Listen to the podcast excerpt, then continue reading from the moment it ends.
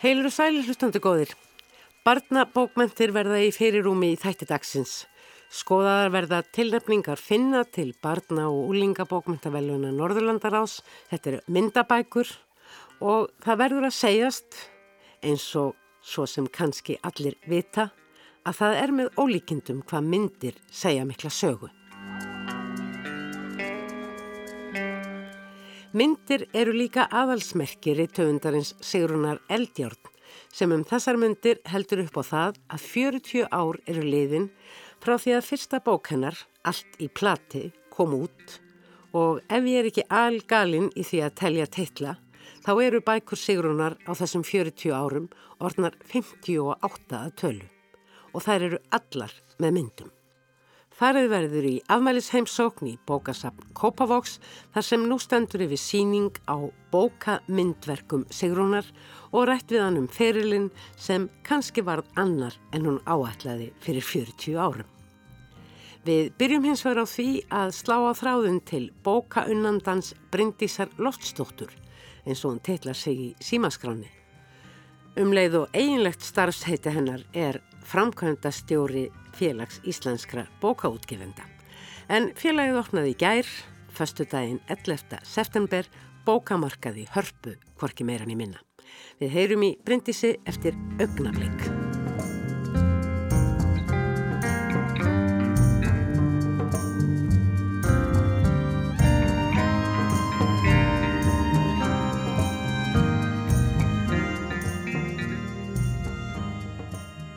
Ég er ekki vissum að allir viti það en fyrir 28 klukkustundum, rétt rúmlega, var bókamarkaður félags íslenskra bókaútgefenda opnaður árið 2020. Bókamarkaður félags íslenskra bókaútgefenda hefur jú verið álegur viðbörður í, já, hátt í 70 ár held ég bara og venjulega haldin á útmánuðum en við vitum jú öll hvað var að gerast á útmánuðum þetta árið, það er að segja í februar og mars og því er bókamarkaðurinn núna haldinn á nýjum stað og á nýjum tíma. Og eins og venjulega er það Bryndís Loftstóttir sem heldur utan þetta. Sæl og blessu Bryndís, hvað ertu stödd núna á þessari stundu þegar við erum að tala saman þegar rétt eru tveir tímar síðan markaðurinn var opnaður? Jú, ég er bara hérna í hörpu. Og bara... hefur einhver frétt að þessu? Já, já, já, já, já. Það er bara strax mjög fín aðstokk og, og hérna líka bara fer ótrúlega vel um okkur hérna. Við höfum auðvitað búin að vera undanferðin ár í, í hérna, húsnaði KSI við lögadagsvöll og fara á undan í, í Perlun. En uh, nú var uh, lögadagsvöllurinn, hann var bara ekki laus því að það er ennþá verið að spila fókbólta.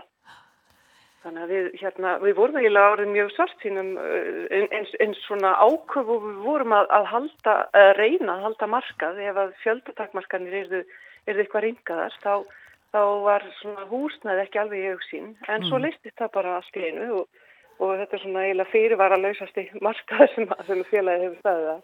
Og þeir hérna sem sagt ákveðu bara skella í bókamarkað svona rétt áður en jólabóka flóðið riðist fram verður slagorðið í ár eina gamla og eina nýja í jólapakkan. Það má ju á bókamörkuðum gera reyfara kaup fyrir utan nú að kaupa reyfara.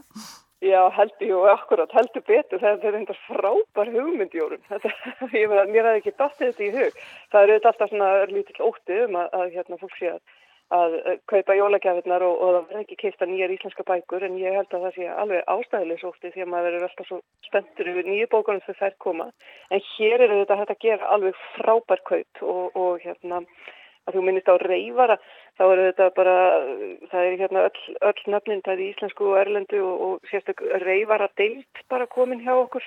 Það er nú það sem er mest beðuðum.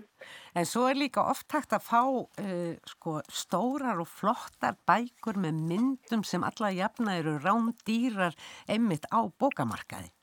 Já og það er líka rosa skemmtilegt sko, ég, kannski að því ég er svo gammal hundur í þessu þá er ég alltaf spenntist yfir hvað er að koma nýtt sem hefur ekki verið áður.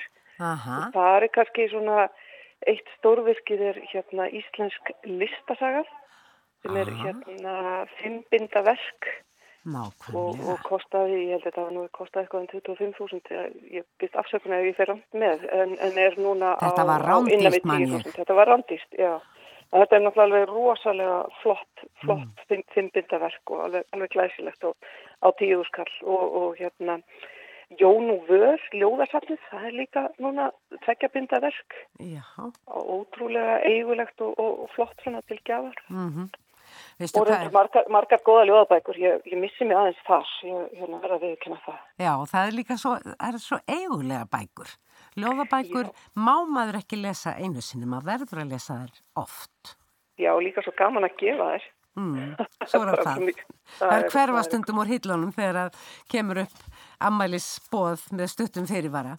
Já, akkurat, svo er það það. Svo þegar maður þarf að kaupa inn í, inn í safni sitt þar sem maður hefur lánuð ekki, ekki endur hinn. Já, hvað heldur það séu margi titlar hann á borðanum í hörpu núna? Það eru, al, já, nei, það eru 5.000 og, 5.200 eitthvað svo leiðis mm. komnir núna. Og það er líka, hérna, ég minnst á, samt bara því við erum ekki búin að tala um barnabækur, að það er í fyrsta skipti líka sem í, í langan, langan tíma sem við erum að sjá einar áskil á markaðinu. Þrjár einar áskilsbækur hérna. Það er mjög, mjög spennandi, hann er náttúrulega alltaf bara síf einsveld. Hann er sígildur, sko. Með, með, með þessum aldraða pípureikandi föður.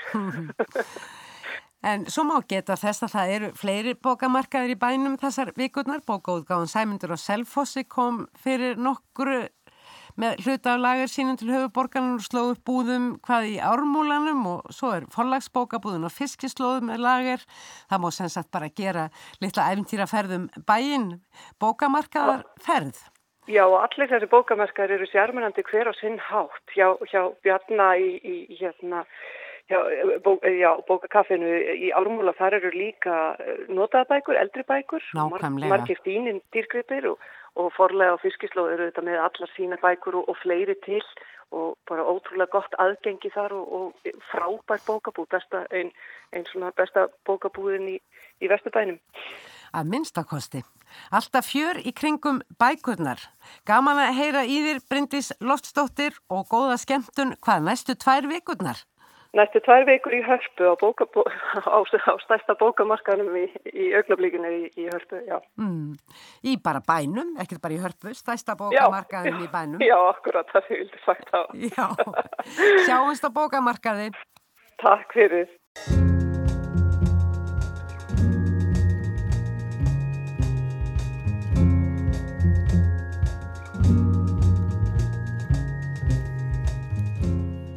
Sigrunu Eldjárn þekkja allir, já eða öllu heldur, allir þekkja einhverja bókana sem hún hefur skrifað og sendt frá sér á síðustu 40 árum.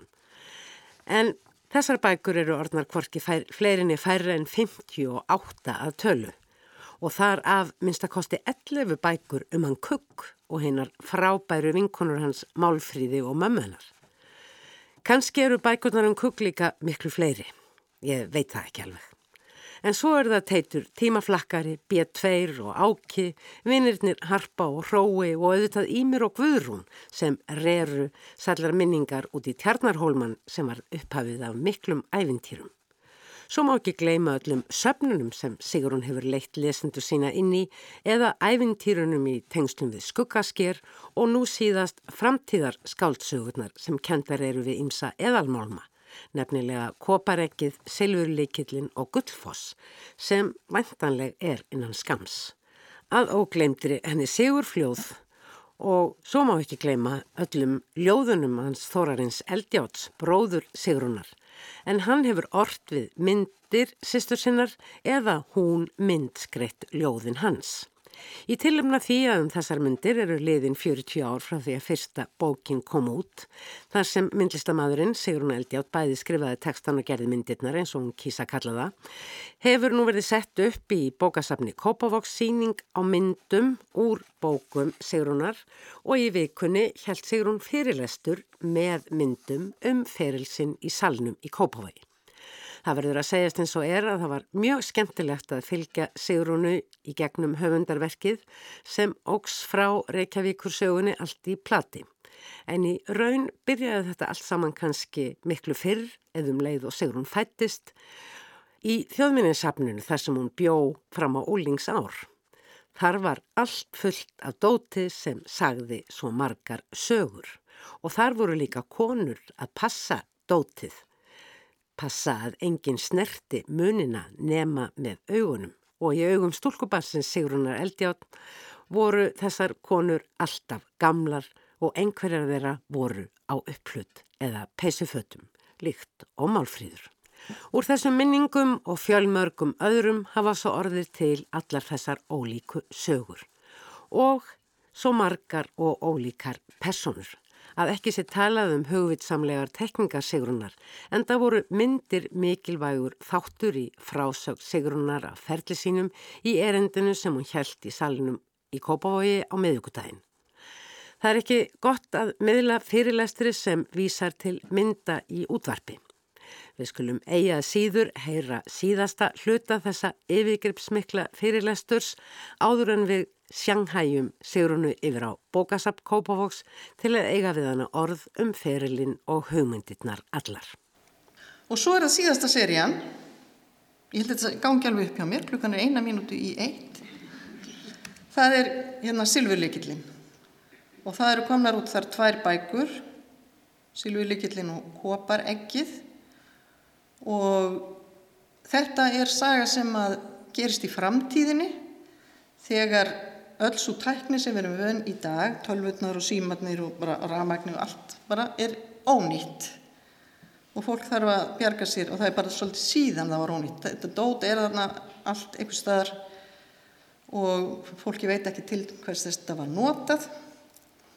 Og sögurnar eru sem sagt byggðar á þeirri hugmynd. hérna er fórsíðan á koparegginu.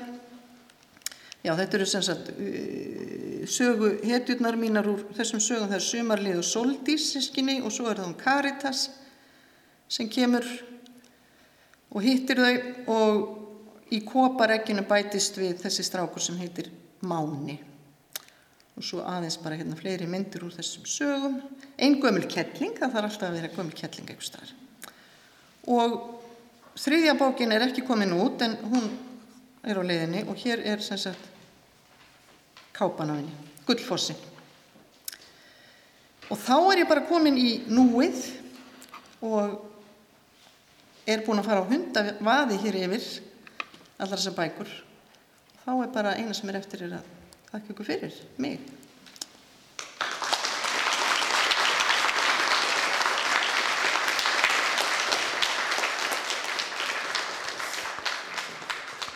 Eftir fyrirlesturinn skutumst við Sigrun aðeins niður á bókasafnið í Kópavogi en þar er í kjallaranum daldiða myndum.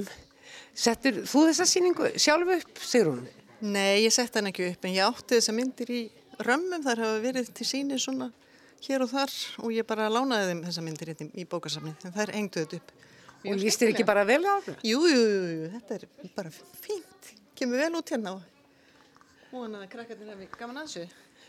Hérna er eins og alltaf sérstök með mörgum myndum og allar svona blíjandstekningar, eru þetta einhverjar svona frum skissur? Nei, ekki, þetta er ekki skissur, ég sé það, en, en er þetta svona einhver, er þetta frumgerður? Já, þetta eru bara myndirnar sem eru úr náttúrgripasafninu sem kom út ykkurt árið, ég man ekki hvað ár. þetta eru bara svona litla blíjanstekningar og hérna, já, þetta eru bara, þetta sé ekki bara svona helminguna myndunum sem er í bókinni. Teiknar þetta í þessari stærð? Þetta er svona í postkorta stærð svolítið? Sko ég geri myndir í bækur oftast bara í þeirri stærð sem það síðan byrtast en stundum þarf maður eitthvað aðeins að minka og stækka svona eftir hvernig plássið er á síðunum mm. umbrotinu en ég brít um sjálf þannig að ég hérna, get alveg styrt þessu og haft þetta bara nákvæmlega svo við langar til mm. En þú sagði líka að þú teknaðir mest með hendinni það var ekki fyrir ná síðar í stegum og svona, svona tæknilegu snurfus eða þú færir að nota tölvu. Já, ég nota náttúrulega höndina líka á tölvuna sko. Já, en... Eh, já, ég, ég nota mest pappir og, og já, er með þetta fyrir fram að mig á borðinu og ég var nú einhver tíman að reyna sko að tekna svolítið í tölvunni, mér fannst það bara ekki nóg skemmtilegt, mér finnst það skemmtilega að hafa efnið í höndunum sulla svolítið með litin og svo skanna ég þetta náttúrulega inn til áður ég setja það inn í umbrotið. Og þá hef ég svona upp á síðkast nokkur ár, undanfæri nokkur ár aðeins svona kannski lagað eitthvað eða uh, já.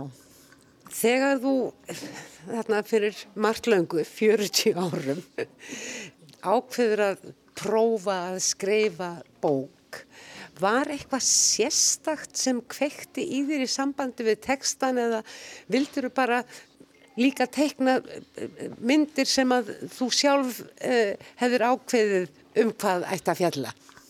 Já, ég held að það hafi verið svolítið sko því ég var náttúrulega vinna líka sem myndlistamæður og þá var ég að gera alls konar myndir sem var í rauninni oft svona frásagnar kendar og já, svo fekk ég þessu hugmynd þess að gera sögu. Þá var ég með alls konar hugmyndi sem ég langaði og þá var ég búin að skreita annar manna bækur. Sumt að því fannst mér ekkert sérstaklega skemmtilegt en flest bara gott. Mm.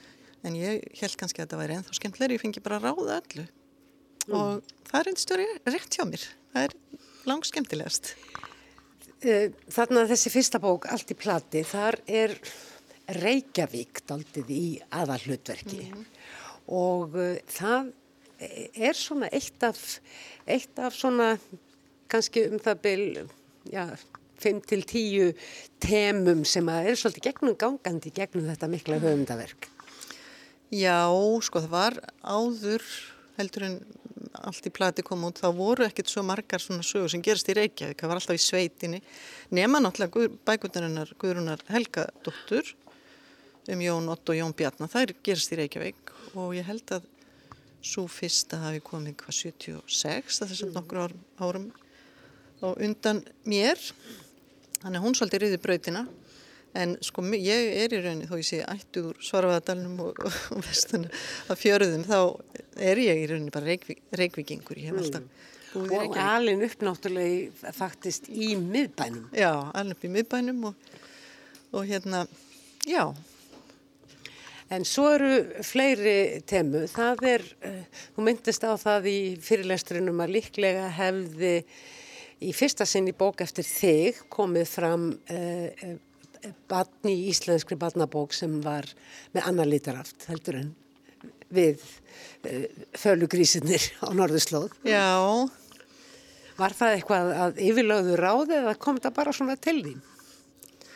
Með hana hörpu. Já, það eiginlega kom bara til, sko, ég, ég hef alltaf haft sko þetta með stelpur stráka þetta var, vor, þegar ég var að lesa barnabækur sem barn þá var þetta oft sko stelpubækur og strákabækur og ég var alltaf alveg ákveðin í því að ég ætlaði ekki að hafa solis, þetta átti að vera bara fyrir alla krakka.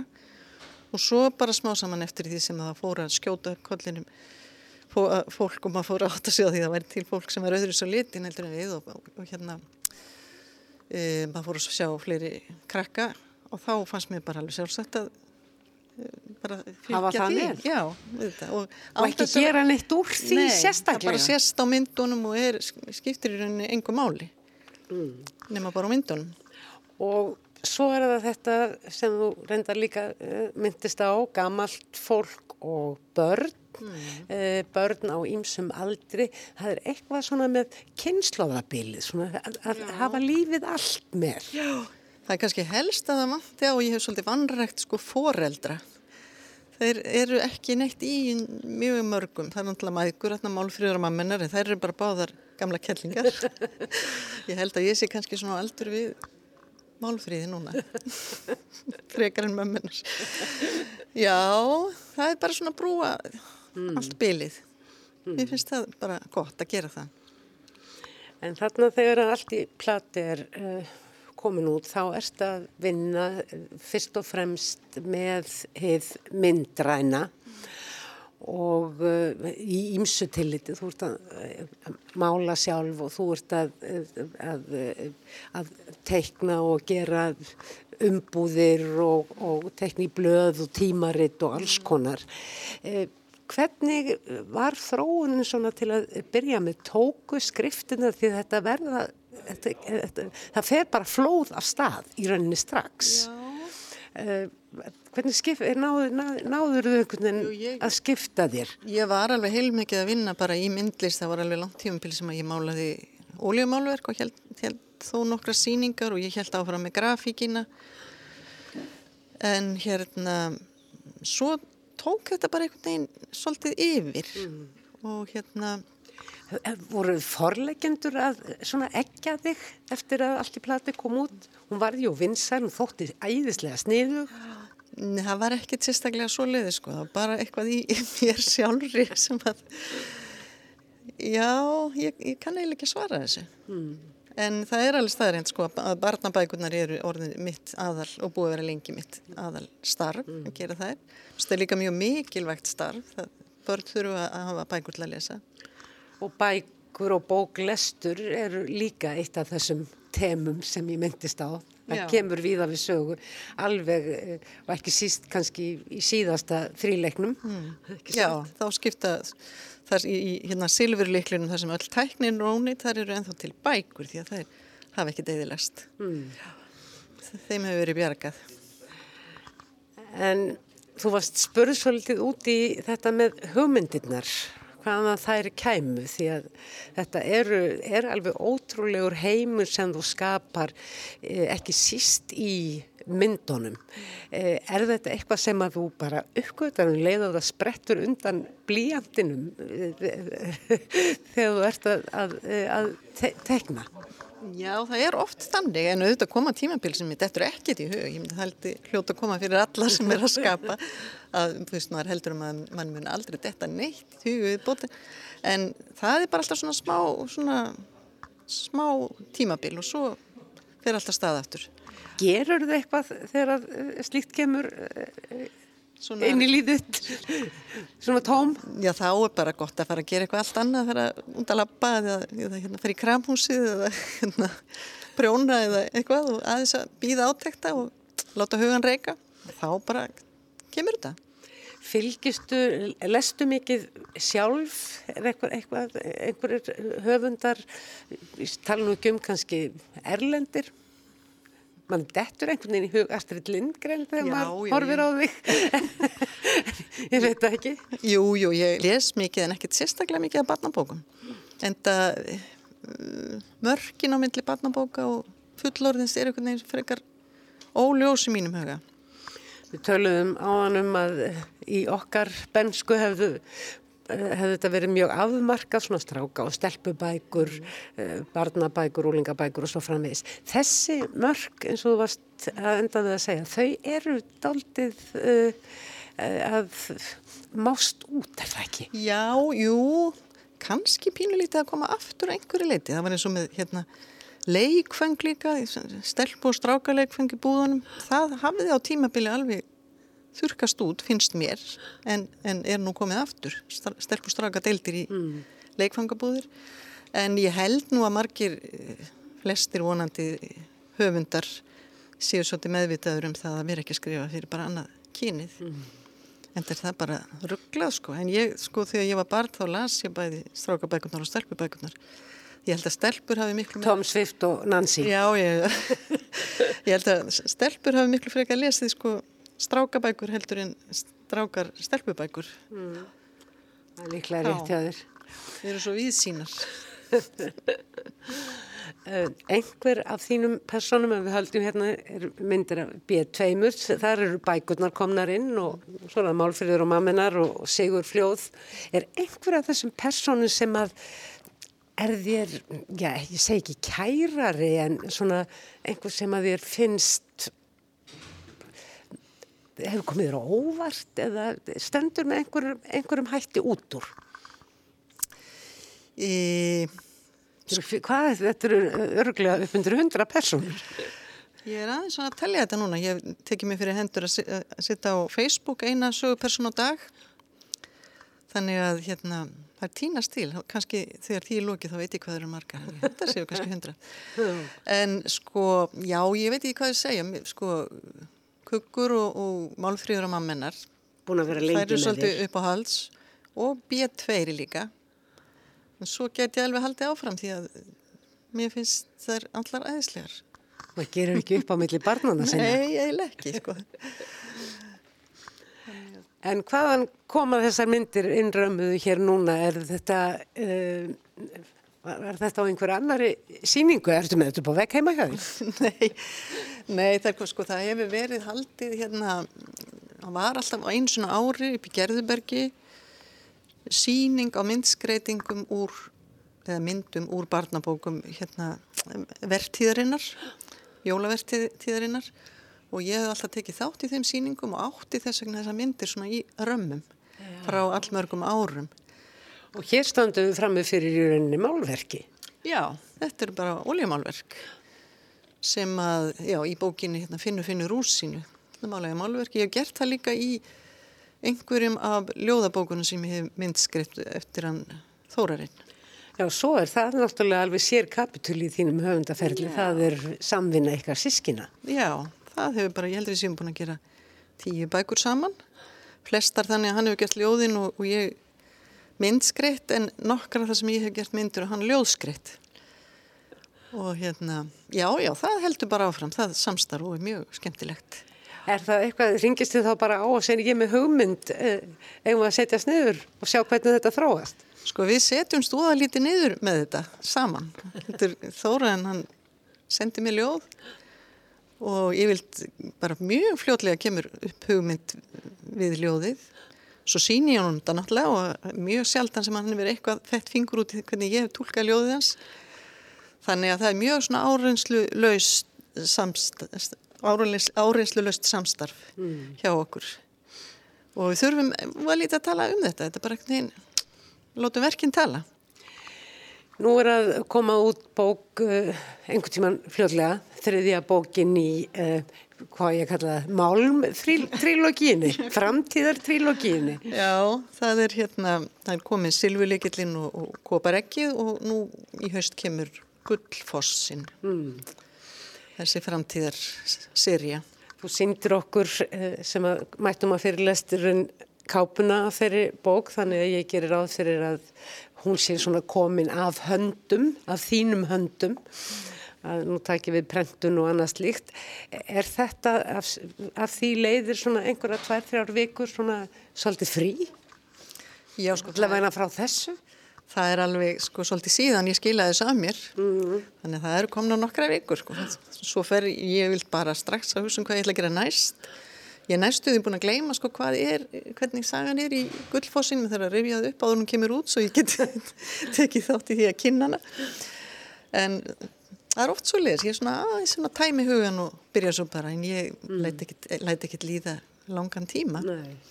Um, kvikna nýjar hugmyndir ofta á meðan þú ert að uh, skrifa aðra bók, ef við tökum gullfoss sem dæmi, síðustu bókina? Já, já, það koma hugmyndir bara hvena sem er og ég á svona eh, skjali hérna tölvun minni sem eru heitir hugmyndir þar nóter ég niður og kíkja oft í þetta og hérna úr sömu kemur bók og úr öðru kemur mynd og, og já, hugmyndabanki minn er bara gemdur í tölvunni mm. Og er hann uh, degur mjög ennþá? Það er alveg slatt eftir Jónum, ég, ég veit ekki hvað ég ætti að lifa lengi en ég sem það endur. En þá auðvitað líka eftir að bæta spil. Já, þetta ég ætti að leggja inn, já, leggja inn og teka út mm. alveg, í öfnum höndum. Akkurat. Einhvern veginn ímynda ég mér að það hljóta vera, kannski að þegar ég kann það sjálf persónulega ekki svo mjög vel, hljóta að vera miklu skemmtilegra að teikna og sjá svona myndirnar lifna við eins og við erum að horfa á þær, á þær hér eitthvað ringur og síðan verður það auga, mm. hvað er þetta auga að horfa á og svo framvegis já. já, það er mjög skemmtilegt að gera myndirnar en hitt er náttúrulega líka skemmtilegt sko bara svolítið annan hátt mm. en já, ég veit ekki hvort ég var að segja þessi skemmtilegra en ég myndi aldrei geta gert gefið frá mér bók sem er ekki með myndum þetta er bara algjörlega partur af þeim mm. ínum sögum. Hvernig vinnur þau eiginlega? Skissar þau upp sögur frá fyrst? Það er eiginlega bara búðalega misjant, allur gangur á þessu. Ég geru ofta einhverju svona beinagrind bara í, hérna, sem ég skrifa í tölvinni og fylli í það, ég er bara að rissa eitthvað á blað í leiðinni og þetta sé engi regla á þessu. Mm. En tekningin er alltaf svona innan seilingar við skriftinnar? Ég er alltaf með það í huga að það eiga að vera myndir sko. Ég sé fyrir mér það sem ég skrifa. Mm. Þannig að þetta hangir allt saman. Þetta er ekki þetta að gera nýtt upp á milli. Það er uh, miðugudagur í dag. Uh, þú nýlokið að halda fyrirlestur. Allar að eiga alveg frí það sem eftirlifið dagsins eða hvernig er svona vinnudagurinn þinn? Hann er nú bara, ég, ég fer ég vil treka snemma fætur og, og sest við mína vinnu og svo... Það sem frá var horfið daginn áður? Já, ég, ég er oft með eitthvað svona nokkur verkefni í takinu. Stundum veðjúr einu í annað og stundum er ég lött og nenn ekki að gera neitt og stundum voða dögleg og... En allavega byrja ég alltaf á mótnana og, og svona drúur tími á mótnana. Svo hérna getur maður alltaf rókið, það er alltaf verið þannig hjá mér, ég er eiginlega... Já, Ertu nokkuð skipilöð? Nei, eiginlega ekki sko, en samt ekkit rosalega óskipilöð og þegar ég fer í sumarfrí þá fer ég ekkit í sumarfrí sko, ég er líka að skrifa og tekna í sumarfríinu. Mm. Þannig að má segja sé að ég sé alltaf í vinninu eða aldrei, bara leika mér. Þetta er einhvern veginn valla að vinna, þetta er eiginlega bara tón skemmtun. Sigrun Eldjátt, myndlistamadur, rittöfundur sem skart búin að vera skemmt að sjálf þeir í 40 ára og okkur með. Kæra þakkir. Takk fyrir.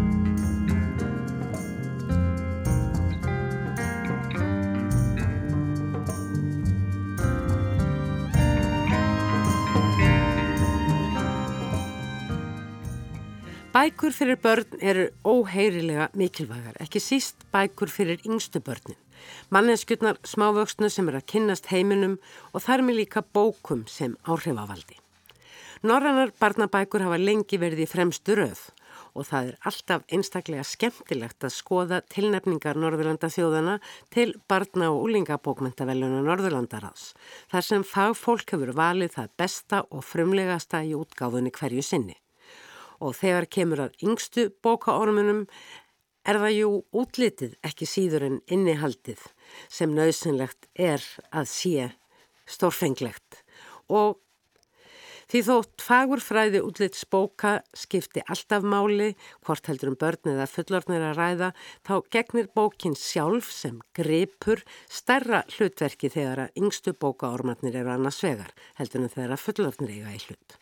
Auðvitað er intakið svo ekki síður mikilvægt en sögur fyrir yngstu lesendurna eru oftar en ekki bæði borðnar uppi af myndum og orðum.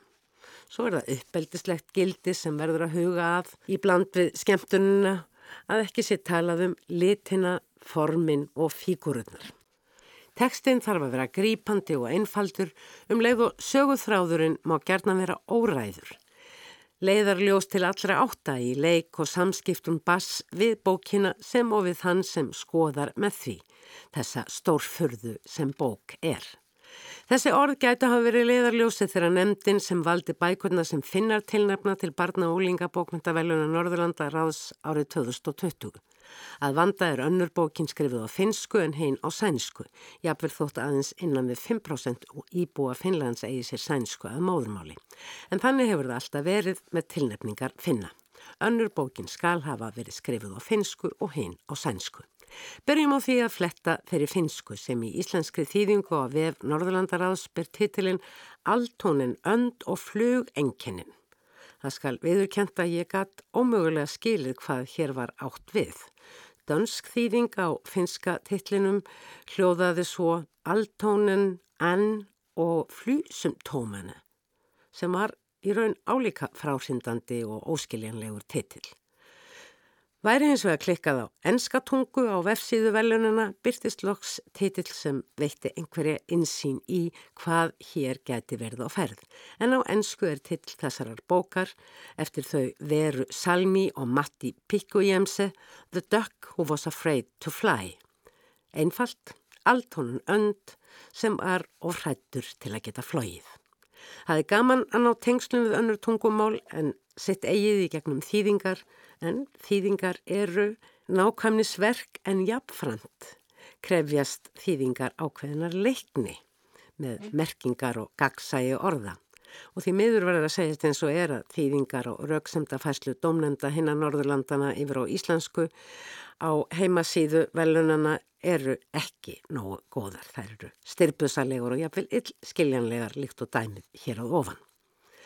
Bókin hins vegar sjálf um öndina altónin eftir þau veru Salmi sem skrifar tekstan og Matti Píkujemse sem gerir myndirnar er gull falleg, litrík og leikandi.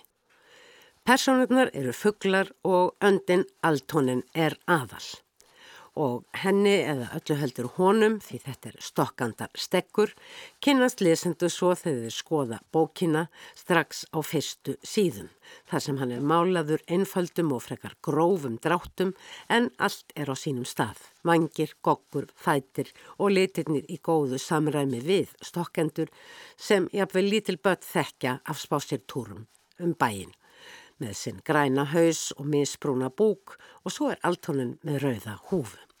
Á fyrstu opnubókarinnar kemur altónin hoppandi niður stega sem gæti líka verið í tjörn, þarf ekki endilega verið í húsi. Hann hittir andastelpu þarna sem segir honum í óspörðum frettum að nú sé hún á leiðinni fljúandi til Asíu. Um leið og hann minnir altónin á að ekki megi hlaupa í stegaganginum. Altónin fer á virkum dögum alltaf í röðina þar sem beðir eftir brauði og hittir þar aðra fuggla sem líkt og hann hafa enn ekki náða að fylgja eftir draumum sínum. Það er mikið spjallaði rauðinni mest um sjúkdóma, eitt var að láta sker upp á sér fótinn, annar er með eitthvað fyrir hjartanu og einhverjir er að búa sig undir að fljúa söður á bógin. Slíkar samræður gera alltónin þungan í skapi, auk þess sem vangillinu honum verða svo undarlega þungir. Á föstu dögum og lögardögum fer alltónu stundum niður á tjarnarbakkan þar sem fugglarnir sapna saman í vendingu þess að fá bröðbytta. Þar segja þeir gertnan frá ferðalögum sínum og æfintýrum. Þennan ákveðna dag er allt eins og venjulega og eins og venjulega sínir engin alltónin nokkurn áhuga vegna þess að hann hefur ekki frá neina að segja. Hann hefur aldrei færði í burtu og hann hefur aldrei lengt í uppskurði. Nei, hann hefur bara eigrað um göturnar og eftir tjarnarbakkanum vegna þess að hann er hrættur við lækna og hann er hrættur við að fljúa. Á sunnundögum fyrir aldrunum önd út í skó. Það er líka tjörn og þar má fylgjast með fögurum dansi tvekja svana. Í dag ætlar aldrunum að dansa með þeim en án þess að svanirni sjáu til hans. Hann feilur sig á bak við tríaklættur í svanakjól sem hann hefur saumað sér úr eldhúskartinum. Og allt þetta má sjá á myndum í þessari bókum hann aldrunum. Þegar að svanitin hafa dansað góða stund og vafið hálsum sínum saman skiljast þeir hvort frá öðrum og taka að reyja sig og slá með vanginum. Von bráðar liftast þeir upp í loftið svo kvín ílíkt og í túpu og básunu samtímis. Þegar að svanitin koma auga á altónin og flýið sínu kallaðir til hans Halló sæti, komdu með! En altónin hristir bara höfiðið og flýtir sér í burtu um leið og hann horfir á eftir svönunum þegar þeir hverfa út í bláin og finnur fyrir sorg í hálsinum eins og pínlillum bröðbytta. Ætli þeir séu líka á leið til Asju. Á mánudeginum ætlar Alton aftur að hitta fugglana en þá er hann allt í einu svo illt í vangvöðvonum og tilfinningin í öllum líkamunum er svo skrítin. Hann dettur á hausin og hann reykur gogkin í. Skildan vera breytast í brauðönd sem stendur ekki undir sjálfrið sér. Allt gengur á afturfótunum hjá altónin og að lokum fer hann til læknis, þó hann sé loðandi hrættur við lækni eins og svo margt annað. Læknirinn skoðar altónin í krók og kring og segir svo, þú verður að fljúa. En það er einmitt það sem altónin vil alls ekki gera og segir við læknin, já en ég kann það ekki. Það er ekkert að kunna, þú bara flýgur, þá lærir það, segir læknirinn. Aldunum öndir ekki vissum að lækninu hefur rétt fyrir sér en á endanum er hann við kvartningu félaga sinna í bröðröðinni og eftir að hafa æft sig með lóðum, stíð dans með blakandi vangjum og meira segja nokkrun sinnum flaksað upp á bekk og aftur niður farin að finna til afls í vangjunum og einanóttina er hann meiri segja komin upp á þak og þótt hann sé logandi hrættur tekst hann um að fljúa niður. Það gerist reyndar í draumi en Altonin man tilfinninguna þegar hann vaknar og hann man orðuleiknisins þegar sá sagði að til þess að fljúa yrði maður bara að fljúa. Og nú gerir Altonin einmitt það. Hann heyrir túpur og básúnur óma allt um kring þegar loftströymur liftur hann um upplíkt og löfbladi og á mánudegi, þriðjudegi, miðugudegi og fymtudegi fylgjast félagar hans í bröðröðinni með því hvernig hann svífur yfir þeim. Ekki lengur beigður og inn í sig heldur státinn og flottur, bráðum á leiðinni til Asju. Altonan hefur hleyft í sig kjarki og breytt lífi sínu eins og segir á baksíðu bókarinnar um Altonin önd.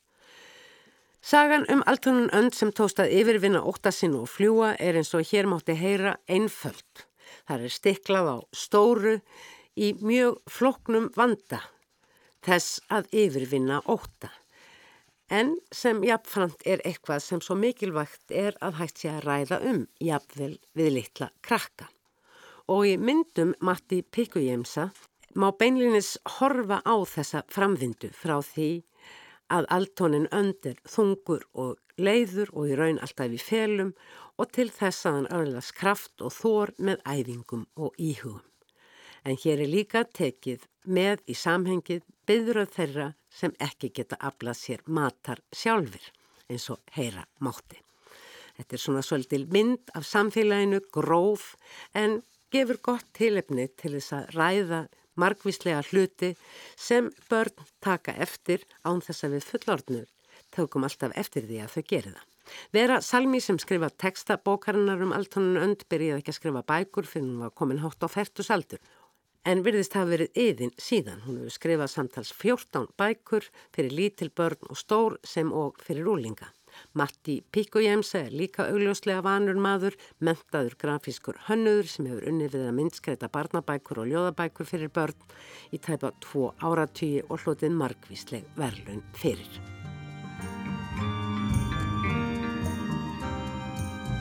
Hinn bókin sem finnar tilnefna er fyrsta bók bókavarðarins Jens Mattsson og umfjöllunarefnið er ekki einfalt eins og Hallathóleg Óskarstóttir segjum frá.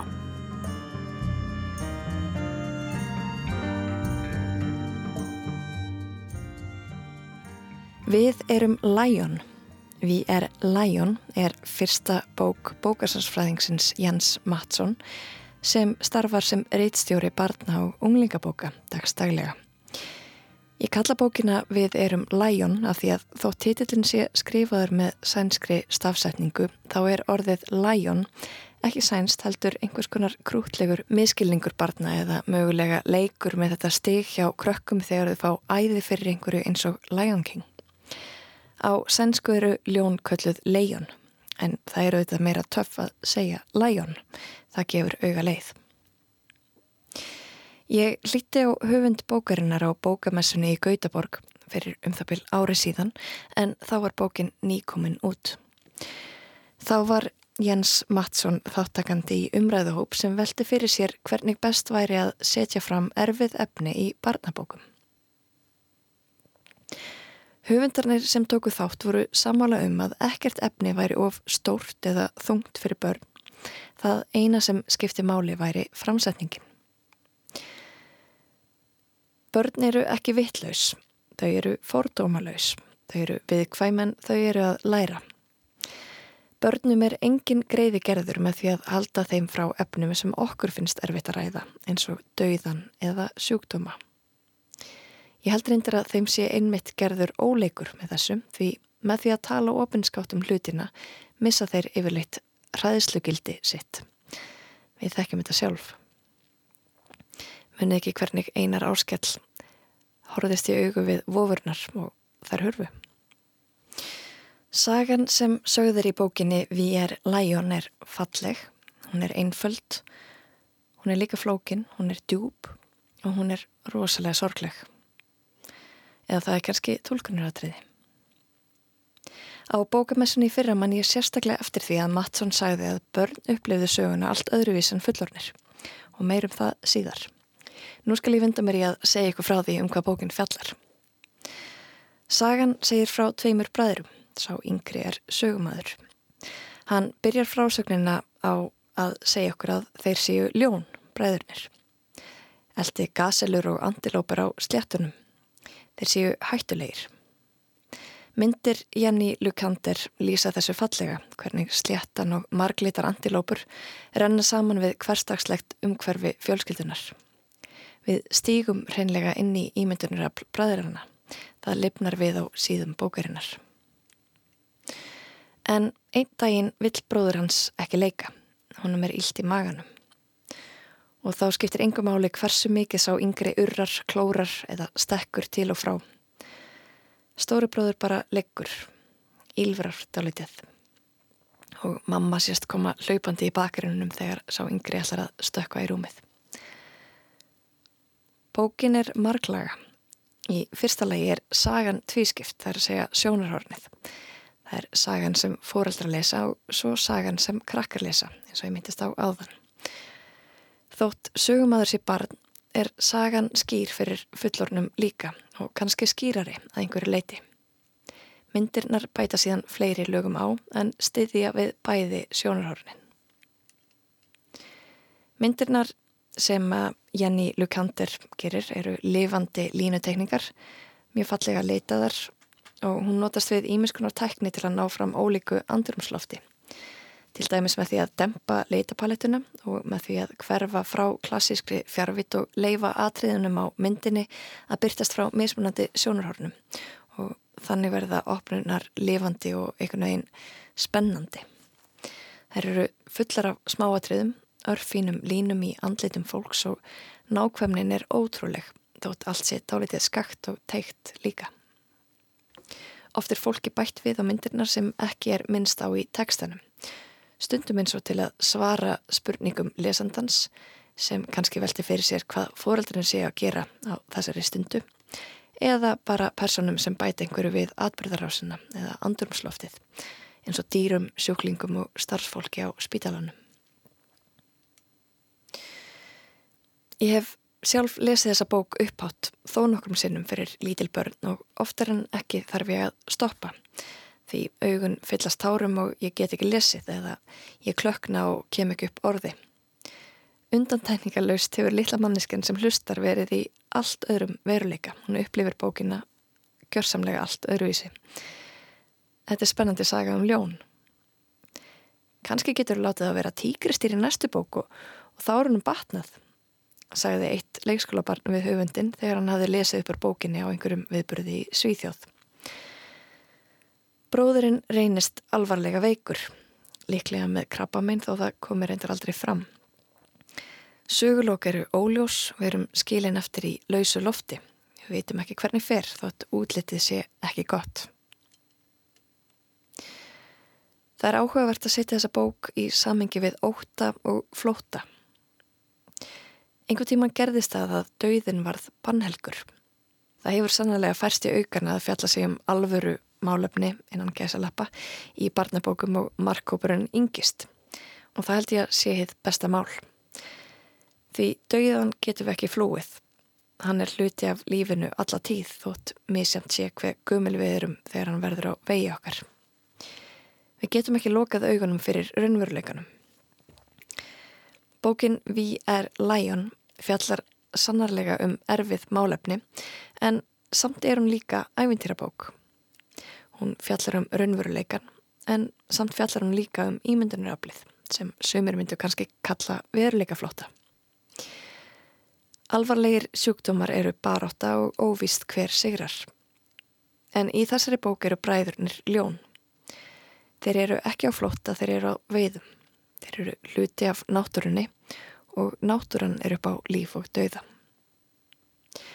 Bræðurnir eru ljón Ég hef eins og ég sagði lesið þessa bók marg oft en það var ekki fyrir en ég fekk hana til umfjöldunar nú að ég áttaði mig á tengingunum við þennan klassísku bók Astridar Lindgren um ekki ósveipað efni. Bróður minn Jónsjarta. Lítli bróður skilur ekki atbyrðar á sinna. Hann skilur ekki af hverju bróður hans getur ekki leikið eins og vanalega. Sjúkrarúmið er með rimlum dálitið eins og búr í dýrakarði en ljón vilja vera frjáls. Stóri bróður er máttvanna en litli bróður er fullur af orgu. Fóreldrarnir eru þreytir, hafa liklega ekki orgu til að setja hann mörg, en það lætir hann öllum íllum látum. Spröytar vatni úr vaskinu á salerninu, á spítalanum og laumast einu sinni með bróður sinni hjólastól fram á gang til að leipa honum á veiðar. Sjúklingarinn breytast í antilópur og æsingurinn í ljónabræðurunum er töluverður. Of mikill fyrir sjúkrahús. Sagan gerist á tveimur plönum eins og ég nefndi og myndirnar segja halva söguna. Jáfnvel rúmlega það. Tíminn líður á þessum tólf opnum og í lok sögunar er stóri bróðir nær óþækjanlegur. Feldurinn er næstum allur farin eins og litli bróðir orðar það. Hann er fölur og hárlaus. Litli bróðir fær að skrýða upp í. Pappi er upptekinn við að raða blómunum þó þau séu reyndar nú þegar mjög fín. Mamma skjálfur, segir í tekstanum. Ljón geta ekki grátið en samt eru þau stundum einmanna. Sörblöðin fremst í bókinni sína sléttu þar sem litskruðug antilópa býtur gras í róliheitum. Marglitur og fagur feithræður fuggl situr á grein. Tveir maurar trítla um miðbygg opnum. Ef síðan er flett yfir á öftustu opnuna, það er að segja sörblöðin aftast í bókinni, má sjá nákvæmlega sama vettvang nema nú eru tvö ljón mætti leiks í stað antilópunar. Tvö ljón sem læðast saman á veiðar. Þau ganga upprétt og fremra ljónið lítur spórst á heið aftara sem fylgir. Fugglin er að taka á flug og maurarn er um það bilað hverfa af blaðsíðunni. Bráðum förum við aftur á veiðar, segir litli bróðir. Og það er bara í höndum lesandans að tólka síðustu opnuna. Þeir hýtast á ný, kannski heima, kannski í Nangiala. Bókin Vi er Lion eftir Jens Mattsson og Jenny Lukander er heitlandi, sorgleg, fyndin, átakanleg, bjart sín, svart sín, spennandi. Hún er virkilega í höndum lesandans. Hún fjallar um veikindi, raunveruleikarn, ævintýri og ímyndunaröfl. Þetta er bók sem dregur sannarlega fram töfrana sem búa í barnabókmyndum og þá brú sem þær geta smíðað millir heimsmynda kynsluðana. Svo ekki sé meira sagt.